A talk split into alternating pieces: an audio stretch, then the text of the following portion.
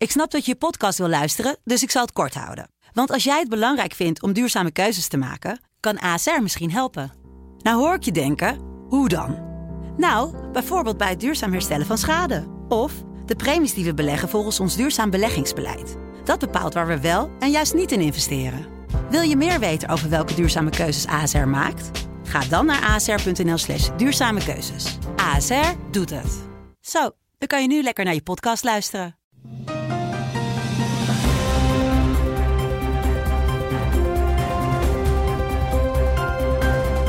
Dit is de Telegraaf podcast. Het land van Wierduk met Kamran Oela.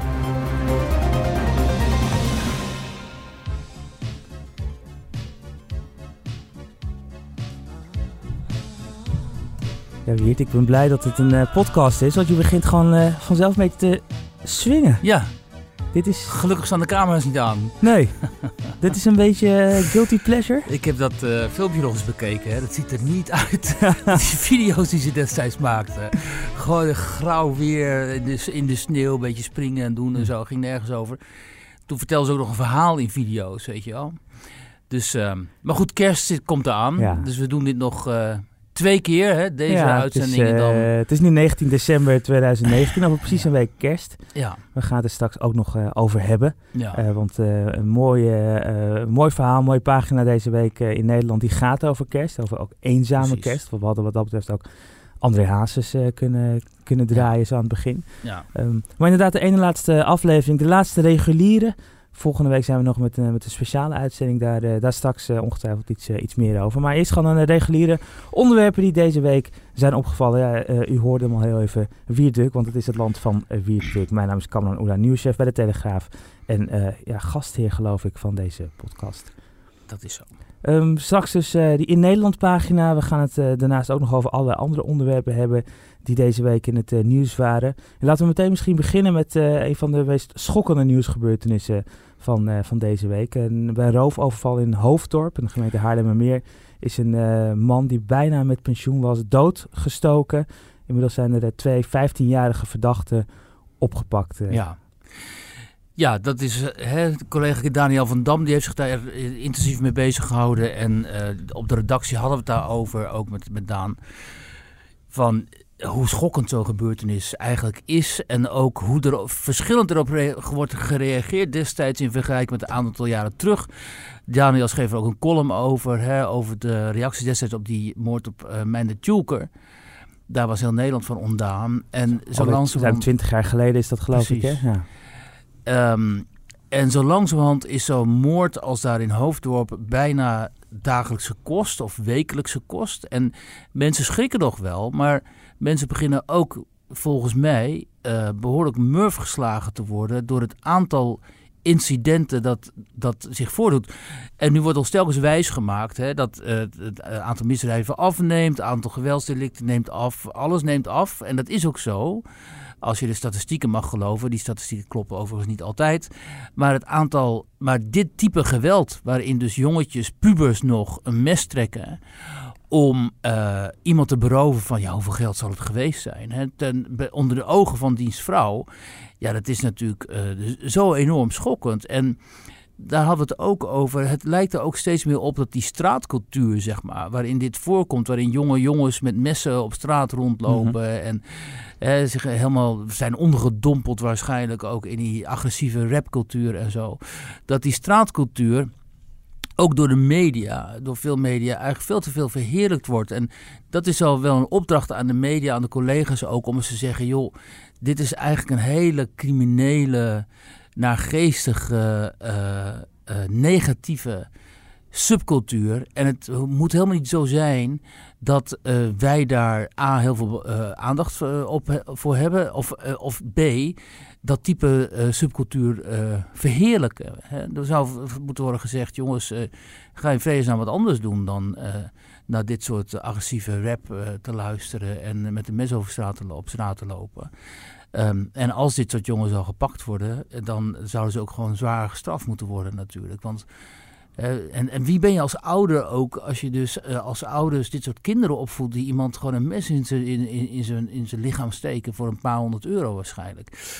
Dus ja, dat was een beetje de, de treurige uh, dis, debatje of discussiegesprek op de, op de redactie. En in de tegelijkertijd kwam natuurlijk het nieuws binnen over die Marokkaanse bendeleider, die Taghi, die gepakt is en die naar Nederland is gekomen. En laten we hopen dat daar het recht zijn beloop zal hebben en dat hij inderdaad hè, dat aangetoond kan worden dat hij inderdaad schuldig is aan waar hij, waarvan hij verdacht is. Onder andere ook hè, dat hij die, die aanslag op de Telegraaf zou hebben geïnitieerd. En uh, dat zo mogen, hopelijk mag blijken dat het recht, laat, hè, om een cliché te gebruiken, zal uh, zegenvieren in dit geval. Uh, dus in die zin is het een hele goede zaak. Maar daar hebben de collega's al uitgebreid over gesproken bij Pauw en elders. Dat hij, dat hij opgepakt is. Het is natuurlijk behoorlijk verheugend. Ja, en um, het zal maar veel sneller gaan dan we hadden gedacht. Misschien ook wel. Hè? Ja. en zeker hoe snel die naar Nederland is gekomen. Dat is natuurlijk wat dat betreft ook wel weer hoopgevend. Want we, we, we jammeren vaak ook weer op de overheid en ook op de opsporingsapparaten dat het niet lukt. Maar in dit geval een knap staaltje van Andy Kraag. Nou, dat verbaasde mij vandaag op de radio een beetje. Ik hoorde, ik meen dat Philip Freriks was of iemand anders in zo'n uitzending. Die dan zei, nou ik was wel erg verbaasd over dat die hè, fatsoenlijke, niet corrupte Nederlandse politie zo goed kan samenwerken met politie uit een land als Dubai. Dat toch niet bekend staat als een ideale rechtsstaat. En dan denk ik, ja, dan weet je echt niet hoe de hazen lopen internationaal. Want natuurlijk zijn op dit niveau zijn er allerlei contacten. En uh, als een, een land zelf geen enkel belang heeft bij eh, laten zitten van zo'n man.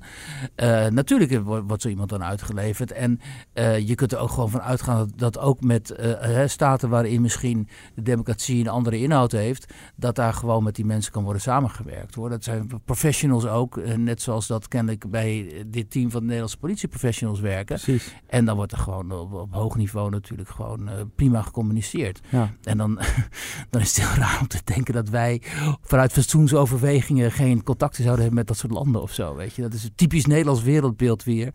Wat natuurlijk van geen kant uh, overeenkomt met hoe het in de werkelijkheid gaat. Nee, en ook niet ieder land en niet ieder politieapparaat is ook per se corrupt. Hè? Dat is, dat, dat is nee. natuurlijk ook, we denken heel snel meteen, oh het is Midden-Oosten, ze zullen allemaal wel corrupt ja, dat zijn. Is maar dat zijn natuurlijk heel veel verschillende landen. Ja. Uh, dat komt nu ook elke keer terug in de verhalen van collega's Mick van Wely en John van de Heuvel. Ja, Dubai wil helemaal niet bekend staan als een, uh, als een plek waar alle criminelen onderduiken. Nee, natuurlijk uh, niet. We hebben hele andere belangen natuurlijk. Exact, ja. ja. Dus het zijn niet allemaal... Kijk, dan, dan, moeten mensen toch ook eens een keer gaan bedenken. Hè? Dat uh, niet alle landen in het Midden-Oosten zijn failed states. En niet alle Afrikaanse landen zijn failed states, weet je wel. Daar heb je ook gewoon goed functionerende groep, groepen en, en staten. Uh, maar goed, vaak wordt er wel met die, ogen natuurlijk uh, uh, naar die landen of naar die regio's gekeken. Maar dat is niet hoe de werkelijkheid in elkaar zit. Nog heel veel terug naar Hoofddorp. tot slot bij, bij, dit onderwerp.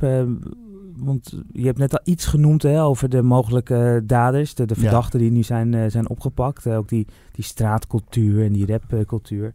Maar wat natuurlijk iedere keer weer schokkend is, is die, is die leeftijd. Hè? ik bedoel, gelukkig kan ik er ook niet aan gewend raken, zou ik haast zeggen. Ja. 15 jaar. Ja, dat hè, was eerst een jongetje van 16 opgepakt. Dan denk je al, nou die is jong en die is nu vrijgelaten. En nu twee jongetjes van 15. Ja, als, blijkt, als het zo blijkt, blijkt zo te zijn dat zij schuldig zijn hieraan. Of althans dat ze verdacht worden. Ja, dat is natuurlijk schrikbarend. Weet je, 15 jaar en je loopt en je, en je vermoordt iemand. Dan heb je een moord op je geweten. Hè? Dat is, uh, ja, stel je voor dat je de ouder bent van een van die kinderen. En dat is het schokkende. En kijk, en dat is ook het punt. Um, telkens als er weer cijfers naar buiten komen van, uh, uh, vanuit kennisinstituten waaruit blijkt dat de misdaadcijfers afnemen, het aantal misdrijven afnemen en zo, dan reageert een deel van de samenleving altijd met ongeloof. Zo van ja, maar dat is helemaal niet mijn ervaring en ik voel me helemaal niet veilig op straat en zo. En vaak worden deze mensen dan, sorry, weggezet als, um, als doemdenkers of uh, als, uh, als opruiers en zo. Um, maar het is onmiskenbaar dat er een bepaald type geweld op straat is, in de grote steden vooral, maar ook hier in dit geval in Hoofddorp, waar je van schikt. En dat heel veel mensen, ouderen ook, uh, s'avonds in die grote steden, in de bepaalde wijken en zo, eigenlijk niet meer de straat op durven gaan. En als je nu al als, als gewone burger, het deze man stond drie dagen voor zijn pensioen, als je er rekening mee moet gaan houden dat, dat je bij een geldautomaat overhoop gestoken kunt worden, ja, dat neem je, dat, dat soort zorg en dat soort angst, dat neem je echt niet weg uh, door, misdaad, door de misdaadcijfers te, te, laten zien, waaruit blijkt dat het aantal geweldsdelicten uh, af zou nemen. Ja, en bovendien 15 jaar, stel dat dit inderdaad de daders zijn, dan dan kunnen ze max twee jaar de Ja. cel in. Eh, dan kunnen ze een jeugd-TBS, een pijnmaatregel krijgen. Ja. Alles bij elkaar, eh, max zes jaar, 21 staan ze weer... eh, Staan ze weer op straat. Ja. En wie weet gaan ze dan weer roven. Ja, maar we weten in ieder geval dat in de jeugdgevangenis, eh, helaas, moeten we constateren, eh, het nou allemaal niet zo is dat ze er allemaal uitkomen en helemaal, Nee, helemaal niet. Nee. Nee. normale jongen zijn. Nee. Wat dat betreft heb ik wel een tip voor de, de mensen, de luisteraars. Ga eens naar die film Een, een Profeet. Kijken, een profeet van zijn film. Een fantastische film, omdat die volgens mij een soort metafoor is voor waar we op dit moment in westerse samenlevingen mee te maken hebben. Ehm, en die gaat dus ook over hoe een jongen in een gevangenis belandt en daar eigenlijk eh, totaal juist eh, een hele slechte ontwikkeling doormaakt. Hm. En een soort, eh, hè, een soort eh, prototype gangster wordt. Ja. Bovendien is het gewoon echt heel goed gemaakt en interessante film.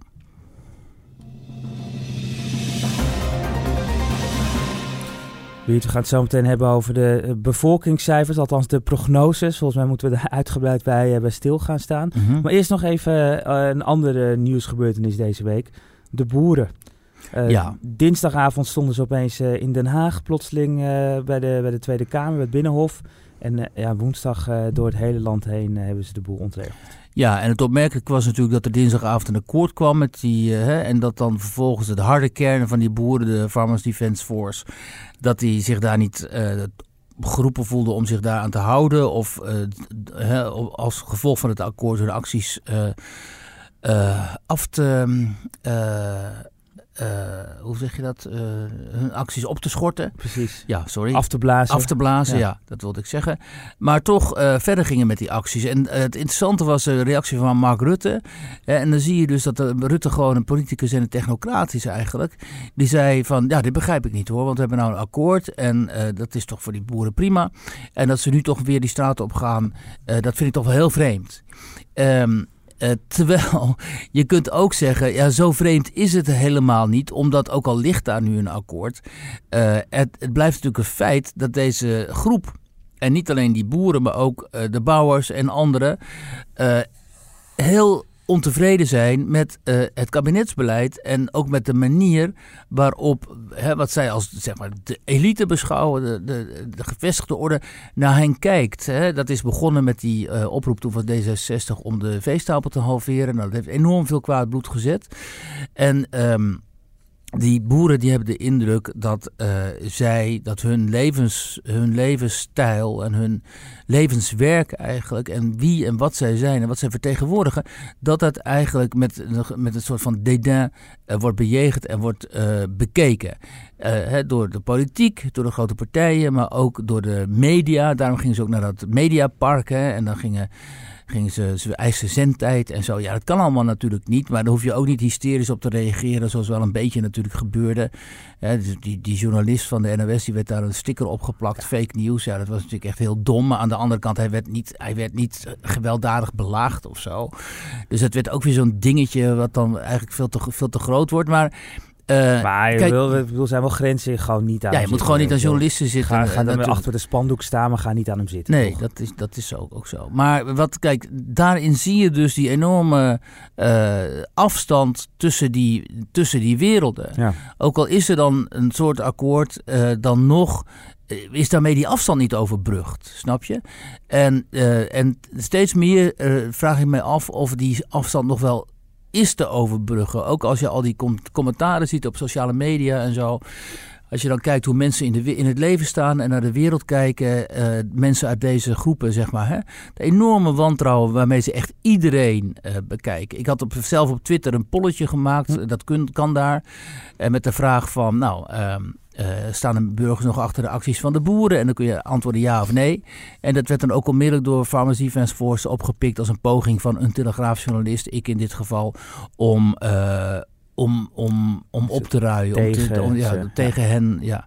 Ehm, en het is natuurlijk helemaal niet zo. Maar zo kijken ze naar eh, wat zij zien als, als zeg maar het establishment waar wij natuurlijk ook eh, deel van uitmaken. En ik vraag me, ja, dat vraag ik, heb ik al vaker gezegd hier, maar ik vraag me echt af hoe we die mensen ehm, eh, nog gaan bereiken. En hoe we die kloof die daar zo- die zo overduidelijk is, eh, ja, hoe we die gaan, gaan dichten uiteindelijk. Ja. en dan zal toch, hè, dan, om dat te doen zal Nederland toch niet telkens het beste jongetje van de klas moeten willen zijn, ook in Europa. Ehm, eh, waarin we weer met, die, met die, al die maatregelen en zo eigenlijk haantje de voorste willen zijn. Terwijl je weet gewoon dat daar in Nederland, vooral onder die boeren en zo, helemaal niet voldoende draagvlak voor is. Ik geloof dat wij nu zelfs hè, als Nederland zijnde gaan pleiten bij de EU. Ja. Dat PFAS bijvoorbeeld overal maar moet worden verboden. Hè? Want Ja. wij hebben dat nu, maar moet, iedereen moet ons maar eens gaan. Het eh, is gaan ongelooflijk. eh, Waar komt het toch vandaan? Terwijl je weet hoe daar in Oost-Europa op gereageerd gaat Mm. worden en zo. En ik zag Frans Timmermans, die had dan weer zo'n heel gepassioneerd pleidooi voor andere boeren. Hè, die, had, die zegt dan van, ja, I- I- in in het Engels van hem, weet je wel, I stand with our farmers en zo. En dan, maar eigenlijk wil hij wel andere boeren. Want hij zegt, ja, maar ze, ik, ben, ik sta ah, hè, zij aan zij met onze boeren, maar ze moeten wel op een hele andere manier gaan boeren. Dus hij staat dus helemaal niet zij aan zij met die boeren. Hij wil gewoon dat, dat, dat mensen zo doen als hij wil dat ze gaan Ja. doen. En, ehm, ja, en dan, dan kijk je daarna en denk je, jongen, jongen, weet je, spreek je wel eens met... Ja, hij zal ongetwijfeld met die mensen spreken, want er was ook campagne geweest en zo. Maar toch, in die hoofden blijft maar die, die gedachte, wij gaan die wereld uiteindelijk maken zoals wij willen dat die eruit ziet. Hè? En, dat is, en dan geen rekening houdend met dat er miljoenen mensen zijn die een heel ander wereldbeeld erop nahouden. En die willen dat dat geleidelijker gaat, die willen dat dat niet op zo'n Oekase-achtige manier gaat, die niet gedwongen willen worden vanuit Brussel, hè, vanuit Europa. En als je, die kijken nu naar die Britten, die zeggen, kijk, die Britten kunnen ook uit de EU, dus Mhm. nu moeten wij ook uit de EU. Ik, ik voorspel je, die, dat hele idee van een Nexit gaat nog een bepaalde dynamiek krijgen binnenkort, want zeker als het goed gaat in de Groot-Brittannië, dan zul je zien dat hier in Nederland hè, mensen rond Baudet en zo ook allemaal gaan zeggen. Ja, dit zie je wel. ja, zie je wel. We moeten er ook uit. Ja. En dan hoeven ze alleen maar te wijzen naar Timmermans of, of Verhofstadt of eh, von der Leyen. En erop te wijzen dat het hele EU-project een soort project is van Duitsland en Frankrijk. Mhm. Waar wij gewoon in moeten doen wat zij willen. Hè, met, aan het, met notabene als eh, klimaatpaus Frans Timmermans. Die natuurlijk e- enorm veel weerstand bij heel veel mensen ook oproept. Ja, dan heb je toch, dan begin je op een gegeven moment wel te denken dat er een bepaald eh ehm, eh, electoraat voor zal gaan ontstaan. Ik zag geloof ik Timmermans afgelopen zondag ook bij Buitenhof. En het was eh, met- Twan Huis eh, Ja. die daar, eh, die daar eh, als vervanger zat. Maar het was ook weer fascinerend. Hè, Boris Johnson was allemaal fout, want het was allemaal Ja. polariseren. En Ja. eh, hij wilde juist een verbindend politicus en bestuurder Ja. zijn. Verbindend. En vervolgens eh, ging het erover of hij dan ook met de Johnson zou samenwerken. Eh, Ik dacht, nou nu gaat hij zeggen ja, want hij is de verbinder. En. Johnson heeft gezegd in 2050 moet het Verenigd Koninkrijk eh, klimaatneutraal zijn of CO2-neutraal zijn. Want daar heeft u voor gestemd. Want hij had eigenlijk een heel erg GroenLinksig Ja. klimaatverhaal eh, eh, stiekem. Ja. Ehm, nee, dat was toch een ander verhaal en dat, eh, dat lag anders. En, Ja, eh, dat was niet zijn en- Green Deal. Nee hoor, nee precies. Nee, eh, dat, nee. dat zat er niet in. Ik denk, Ja. man, man, man, dit Ja. is toch eh, practice what you preach. Ja, maar dat is dus typisch. Dat, en dan wordt ook niet even doorgevraagd. Hè? Zo van, hallo, eh, hoe, kom, hoe breng je dat met elkaar in overeenstemming dan? Ja, Maar, maar de klimaatpauze, ik geloof dat eh, komende week de, de film The Two Popes uitkomt. En die, Ja. gaat, eh, die, die gaat over andere pauzen. Maar Ja. eh, wij hebben er ook two, hè. Want Diederik Samsom zit daar natuurlijk ook als chefstaf. Dus Diederik Samson is ja. gewoon daar de adjudant van Frans Timmermans. de, de two ja. popes, de two Ja. climate popes in dit geval. Ja. En ondertussen hè, is ons heel, heel land wordt gegijzeld door, door die mensen van Urgenda en die, hoe heet die, Vollebroek heet hè, geloof ik, die dan, die activist, die dan de, elk, elke keer naar de rechter stappen als hen iets niet bevalt en dan bij de rechter afdwingen dat, eh, dat eh, er beleid op een bepaalde manier moet worden uit, uitgevoerd. Ehm, ja, dat is echt eh, zo, ik, ja, zo extremistisch moet je gewoon, dat is echt radicaal, weet Hmm. je. En om op zo'n radicale manier maximalistisch eigenlijk telkens te eisen dat wij maar voldoen aan hele extreme eisen die in landen als Duitsland en zo hè, veel milder zijn. Ehm, de- pff, dat is ehm, waar het uiteindelijk toe zal leiden. Dat is dat, dat, het leidt in ieder geval tot heel veel eh, weerzin bij heel veel mensen. Dat is wel duidelijk. Nou, tot slot eh, nog over de boeren. Ehm, want jij legt eigenlijk de vinger op het, op het echte problemen, die kloof die er is. En, en, en, en deze maatregelen die met stikstof te maken hebben, zijn dan nu de druppel. Ehm, Kijk, die boeren zeggen bijvoorbeeld ook, hè, sorry dat ik je inter- interrupeer, maar die zeggen bijvoorbeeld een groot deel van die jonge boeren, bleek uit een onderzoek dat in Trouw werd gepubliceerd, die geloven helemaal niet dat er een stikstof, stikstofcrisis is. Die zeggen, is er niet. Nou, eh, hoe ga je dan met hen in gesprek? Dus als, kijk, en dat is ook typisch aan deze tijd, waarin eh, feiten fluïde zijn geworden en ook wetenschappelijk, eh, wetenschappelijke uitkomsten eh, niet worden, er geen consensus is over wetenschappelijke uitkomsten, dat geldt vooral ook voor het klimaatverhaal. Ehm, dan heb je dus echt een probleem, want dan kun je helemaal niet, niet meer met elkaar in gesprek gaan. Immers. Als jij beweert er is een eh, stikstofcrisis en die boeren zeggen ijskoud, nou helemaal niet. En we kunnen ons ook baseren op bepaalde uh, wetenschappelijk onderzoek en bepaalde cijfers. Uh, dan moet je te raden gaan bij mensen als Simon Roosendaal, de wetenschapsjournalist die we ook wel in de krant hebben gehad mm-hmm. en zo. Ja, en die gaat dan ook echt dingen zeggen als, um, wat ook heel interessant is, die zegt er ook van ja, dat komt ook omdat er nu bijvoorbeeld een te technologie is waar, waarmee bepaalde uh, concentraties van het PFAS bijvoorbeeld gemeten kunnen worden, die een jaar of 10, 15 geleden nog helemaal niet gemeten kunnen worden. Dus toen was er nog helemaal, toen kwam er helemaal geen sprake van een crisis en we konden het helemaal niet meten. En nu kunnen we het opeens meten en nu is er opeens een hmm. crisis. En dat is natuurlijk ook een heel raar verhaal, weet je. En daar komen die boeren dan mee aanzetten. En dan, ja, gaat daar dan, en dan krijg je die gelovige, uh, klimaatreligieuze tegenover je. Um, nou, ik zie, ik zie dat gesprek al voor me. Wat ik eigenlijk uh, nog wilde zeggen is, uh, maar daar we het niet echt uitgebreid over te hebben hoor. Maar uh, waar ik Rutte wel snapte, was ja, de manier van de acties gisteren was, was er wel een beetje een raadsel. Wat wil je nou hiermee bereiken? Want ze waren overal. Ze gingen alle kanten op. En er werd nergens iets doorgepakt of echt iets gedaan. Het was meer een soort, ja, een soort ontregeling, een soort, soort bezigheidstherapie voor journalisten. Nou ja, ik kwam toevallig gisterochtend van Media, Media Park in Hilversum. Uh, om zo tegen, nou, even na negen. En toen kwamen ze allemaal het Mediapark ja. oprijden. En toen moest ik me echt via de fietspaden en trottoiren zo mezelf in veiligheid brengen met mijn auto. Want die, die trekkers die reden gewoon overal overheen. Dus die scheerden echt rakelings langs van mijn auto.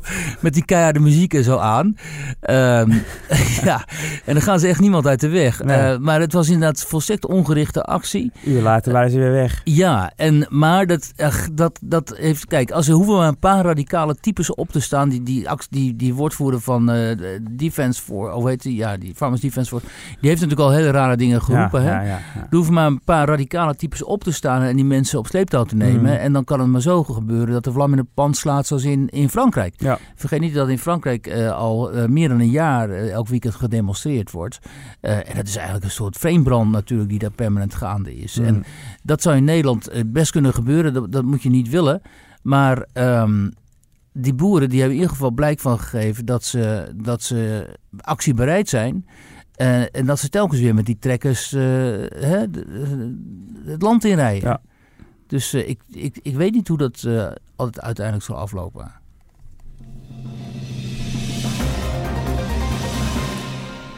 Ja, en dan wordt het ook nog eens zo dat het stuk drugs, dus nou, kom ik niet aan mijn woorden, een stuk drukker gaat worden ja. op dit kleine stukje aarde. Want uh, we gaan, uh, ik geloof in 2024 al de 18 miljoen aantikken, uh, voorspelt het CBS nu. Terwijl ze een jaar geleden nog voorspelden dat het in 2029 pas ging gebeuren. Ja, dus, ik... dus, vijf jaar sneller. En ik geloof dat we in 2060, en dat lijkt heel erg ver weg, maar het is maar 40 jaar. Um, dat we dan al richting de 20 miljoen gaan, is de verwachting nu. En de reden, um, de reden die tot een jaar geleden niet, niet genoemd werd, migratie. Juist, het CBS had dus prognoses en die worden nu bijgesteld hè, met meer dan een miljoen. Dus over het aantal Nederlanders in 2060, dat gaat, eh, die prognoses die worden nu met een miljoen notabene ja. uh, gecorrigeerd. Um, en um, dus dan zouden we in 2060, even kijken hoor. 19,6 geloof Precies, ik. Maar, dus maar waarschijnlijk richting de 20 miljoen. Bijna zelfs. 20 miljoen in 2060, ja. ja. Um, en dan wordt dus gezegd, in de voorgaande prognoses was het bijna een miljoen minder. Dat is een jaar geleden nog maar. Geloof 954.000 uh, minder uit mijn hoofd. Ja. En, uh, en wordt gezegd, ja kijk, dat is heel erg gebaseerd op sterftecijfer. We worden een stukje ouder allemaal. Hè. We zullen veel meer 80-plussers kennen. Ja. Maar dit, deze correctie komt vooral omdat die migratie, migratie veel, ja. veel harder gaat ja. dan tot nu toe was uh, voorspeld en gedacht. Ja, dus de luisteraars moeten even het volgende beseffen. Uh, als er geen sprake zou zijn van immigratie, dan zou het bevolkings, uh, de bevolking zou afnemen. Want de autochtone bevolking die neemt af, mm -hmm. die krimpt. Dus die hele, die, die hele toename is toe te schrijven aan immigratie, daar komt het op neer. En het is niet alleen maar, uh, dat zijn niet alleen, alleen, maar vluchtelingen, maar dat is wel een heel groot deel ook uh, arbeidsmigratie, dus ja. uit Oost-Europa.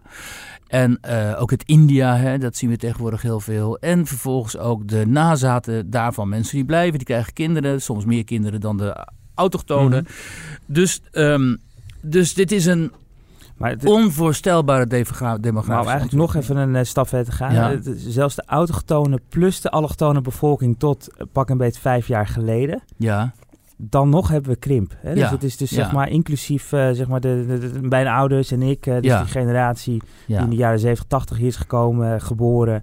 Ehm, dan nog hebben we krimp. Dus, dus die immigratie gaat echt om de laatste paar jaar en, en de voorspelling voor de komende jaren. Ja, en dat is een ongelooflijke demografische ontwikkeling. Wij wilden dat ook groot brengen in de krant. Maar toen werd die taggy dus eh, ge- gepakt. Ja. Dus dat verdween een beetje naar de andere pagina's in de krant.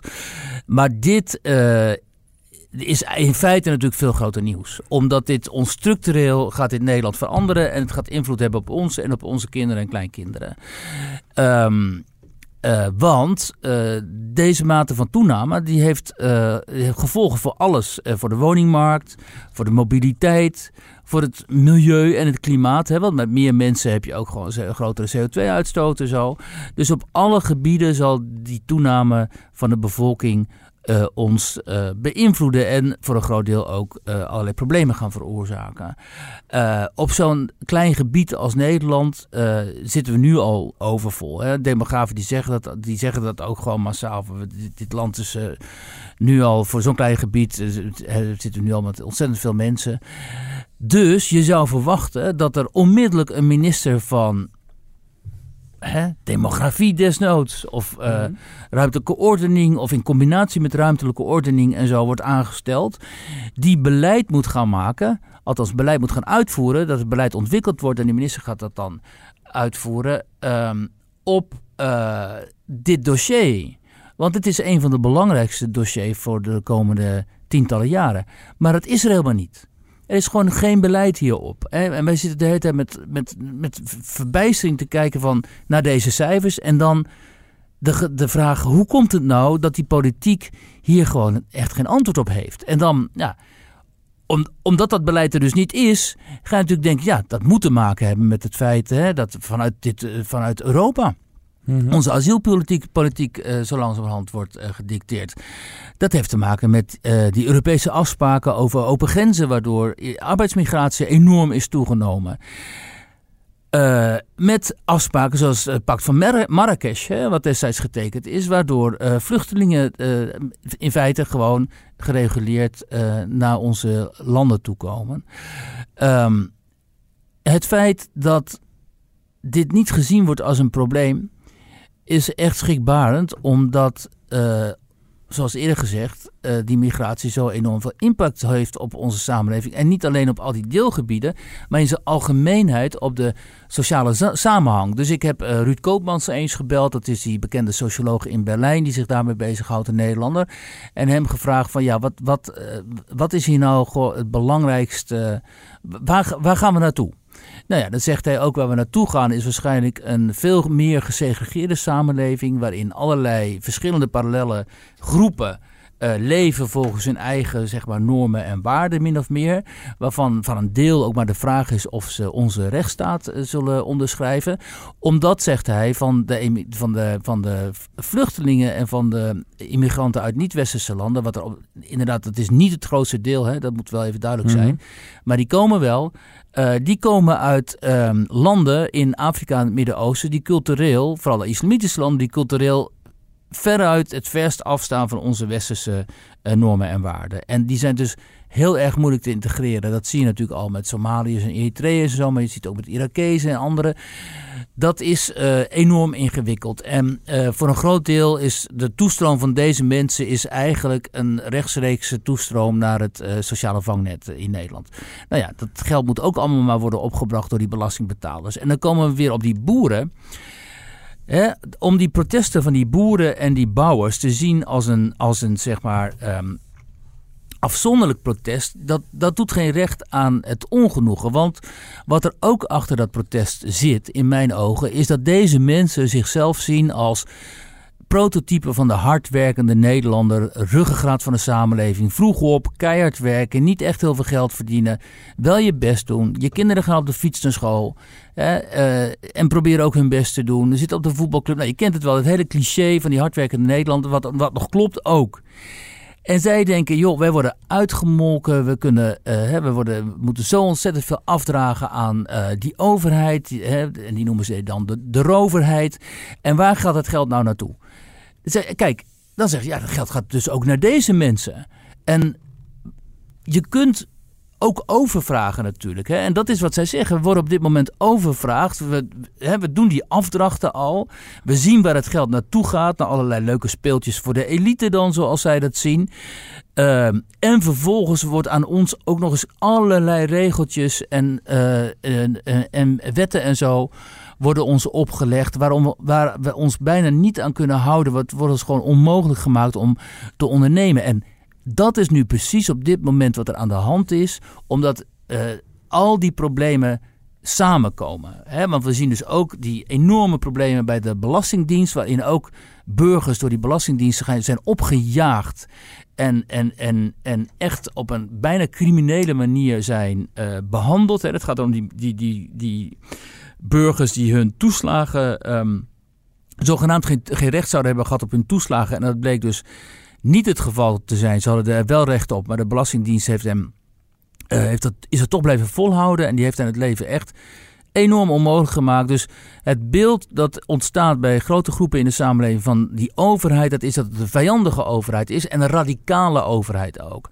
En dat vind ik ook interessant en dat is een beetje mijn conclusie van de afgelopen weken, dat niet per se deze groepen radicaliseren, maar die overheid die radicaliseert. Hoe kun je die mensen die slachtoffer zijn geworden van de Belastingdienst, gewoon keurige burgers die recht hadden op die toeslagen, die die toeslagen niet gekregen hebben, vervolgens helemaal kapot zijn gemaakt door die Belastingdienst, hoe kun je hen verwijten dat ze radicaal zouden zijn? Dat zijn ze. Die, die, die, die Belastingdienst is radicaal in zijn, burger, in zijn minachting van die burgers. Hoe kun je die boeren verwijten, hè, misschien op, op die harde kern na, terwijl uh, eigenlijk die overheid in zijn radicale milieumaatregelen en in zijn radicale klimaatplannen, die, die bijna vanuit de koker van GroenLinks komen, dat, dat die overheid dus eigenlijk veel radicaler is dan zijn burgers.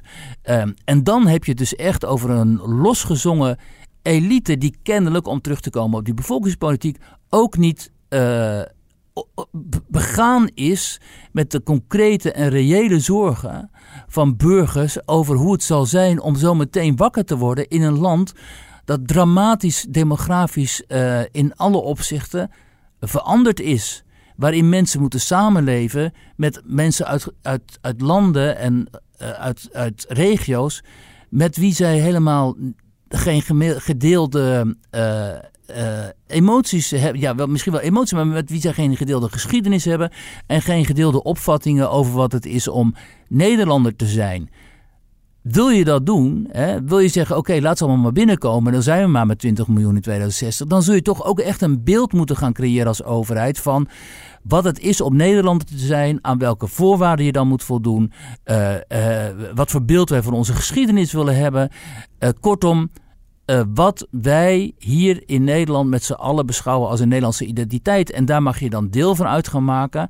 Maar het is niet de bedoeling dat je dan volledig gaat afzonderen, wat nu natuurlijk veel te vaak het geval is.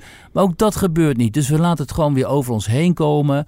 We laten het aanmodderen. En dat is toch wel typisch ook voor dit kabinet. Typisch ook voor Mark Rutte natuurlijk. Want dan word je gevraagd om visie te hebben. En dat is immers een vies woord voor dit, voor dit mhm. kabinet. Terwijl juist uitgerekend in een tijd waarin visie wordt verwacht, maar ook echt visie die onderbouwd is en die diepgaand is en die is onderzocht en die, is op een, die op een aantrekkelijke manier is geformuleerd. Daar is geen enkele sprake van. Nou ja, dan schiet je dus in mijn ogen echt uh, dramatisch tekort. Maar eigenlijk kunnen we wel concluderen, zeker na hè, jouw betoog bijna zou ik zeggen, uh, op, op dit onderwerp. Dit zou natuurlijk gewoon een kernthema moeten zijn bij de volgende verkiezingen. Want uh, alles heeft hiermee te maken. Ja. Uh, als we meer mensen hebben, we hebben nu allerlei problemen. Nou, die problemen zullen niet afnemen. Ja, als het om wonen gaat, als het om stikstof gaat en, en ga zo maar door. Ja, dat is eigenlijk het tweede punt wat ik wil maken. Kijk, je zult zien dat partijen als PVV, Vorm van Democratie en zo, die gaan dit, natuurlijk tot uh, inzet maken van die uh, verkiezingen ook voor een deel. Dan zou ik denken, als je een middenpartij bent, zoals uh, CDA of VVD, VVD, zorg er dan voor dat je een soort dat je jouw geluid, hè, wat een redelijker geluid zou moeten zijn dan, meer het centrale, het, het middengeluid, dat je dat op een populistische manier over het voetlicht brengt. Ik was gisteren bij uh, Goedemorgen Nederland met zo'n leuk uh, Kamerlid van de VVD. waarin ik dit ook na afloop bij hem te sprake bracht. En dan maar hij denkt dan nog helemaal in het oude denken van de VVD. Zo van, ja nee, maar dat moet allemaal wel op een nette manier en op een keurige manier. En dat moet op een democratische manier. Dat ben, dat ben, ik, alles, alle, dat ben ik allemaal met hem eens. Alleen je moet het wel formuleren op een manier waarmee de mensen naar de strot grijpt. En dat is niet die manier van Dij, Klaas Dijkhoff of die, die, die, die, die, die Thierry uit de VVD-fractie... die onlangs pleitte voor, uh, ik geloof meer voor de, voor de Blaaskapel dan voor het Concertgebouworkest of zo. Weet je, oké, okay, dat incident nog. Maar je moet een, aantrekkelijk beeld van Nederland schetsen en van de toekomst van Nederland. Uh, op een manier zoals, hè, op een, misschien wel op een manier zoals Margaret Thatcher dat kon bijvoorbeeld. Hè? Dat soort mensen, of Ronald Reagan. En van wie destijds waarschijnlijk werd gezegd dat populisten waren. Maar tegenwoordig zien wij deze mensen als staatslieden. En uh, uh, daarmee alleen met zo'n persoonlijkheid en iemand op die manier het, de kiezers kan benaderen, denk ik, hebben die middenpartijen kans om niet uitgehold te worden door deze overdaad aan problemen waarmee de burgers eh, te maken hebben. Maar ik zie ze niet, die, uh, die leiders. Dus uh, ik ben heel benieuwd wie er uit die rijen misschien nog gaat opstaan het komende jaar. Laten we het onderwerp hier dan maar bij afronden. Want volgens mij kunnen we het hier nog bijna tot 2060 over ja, hebben. Ja, echt wel, ja.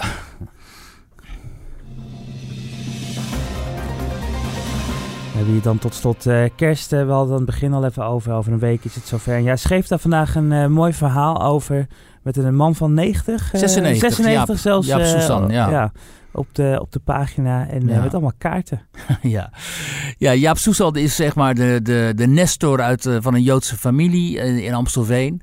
Uh, zijn drie zoons die wonen in Israël en zijn twee dochters nog in Nederland. En hij brak deze herfst zijn heup bij een val. En toen heeft zijn, zijn zoon Joop, die in Israël woont, die riep zijn volgers op op Twitter om zijn vader een kaartje te sturen. En Joop die dacht, nou ja, misschien een man of 10, 15 of zo.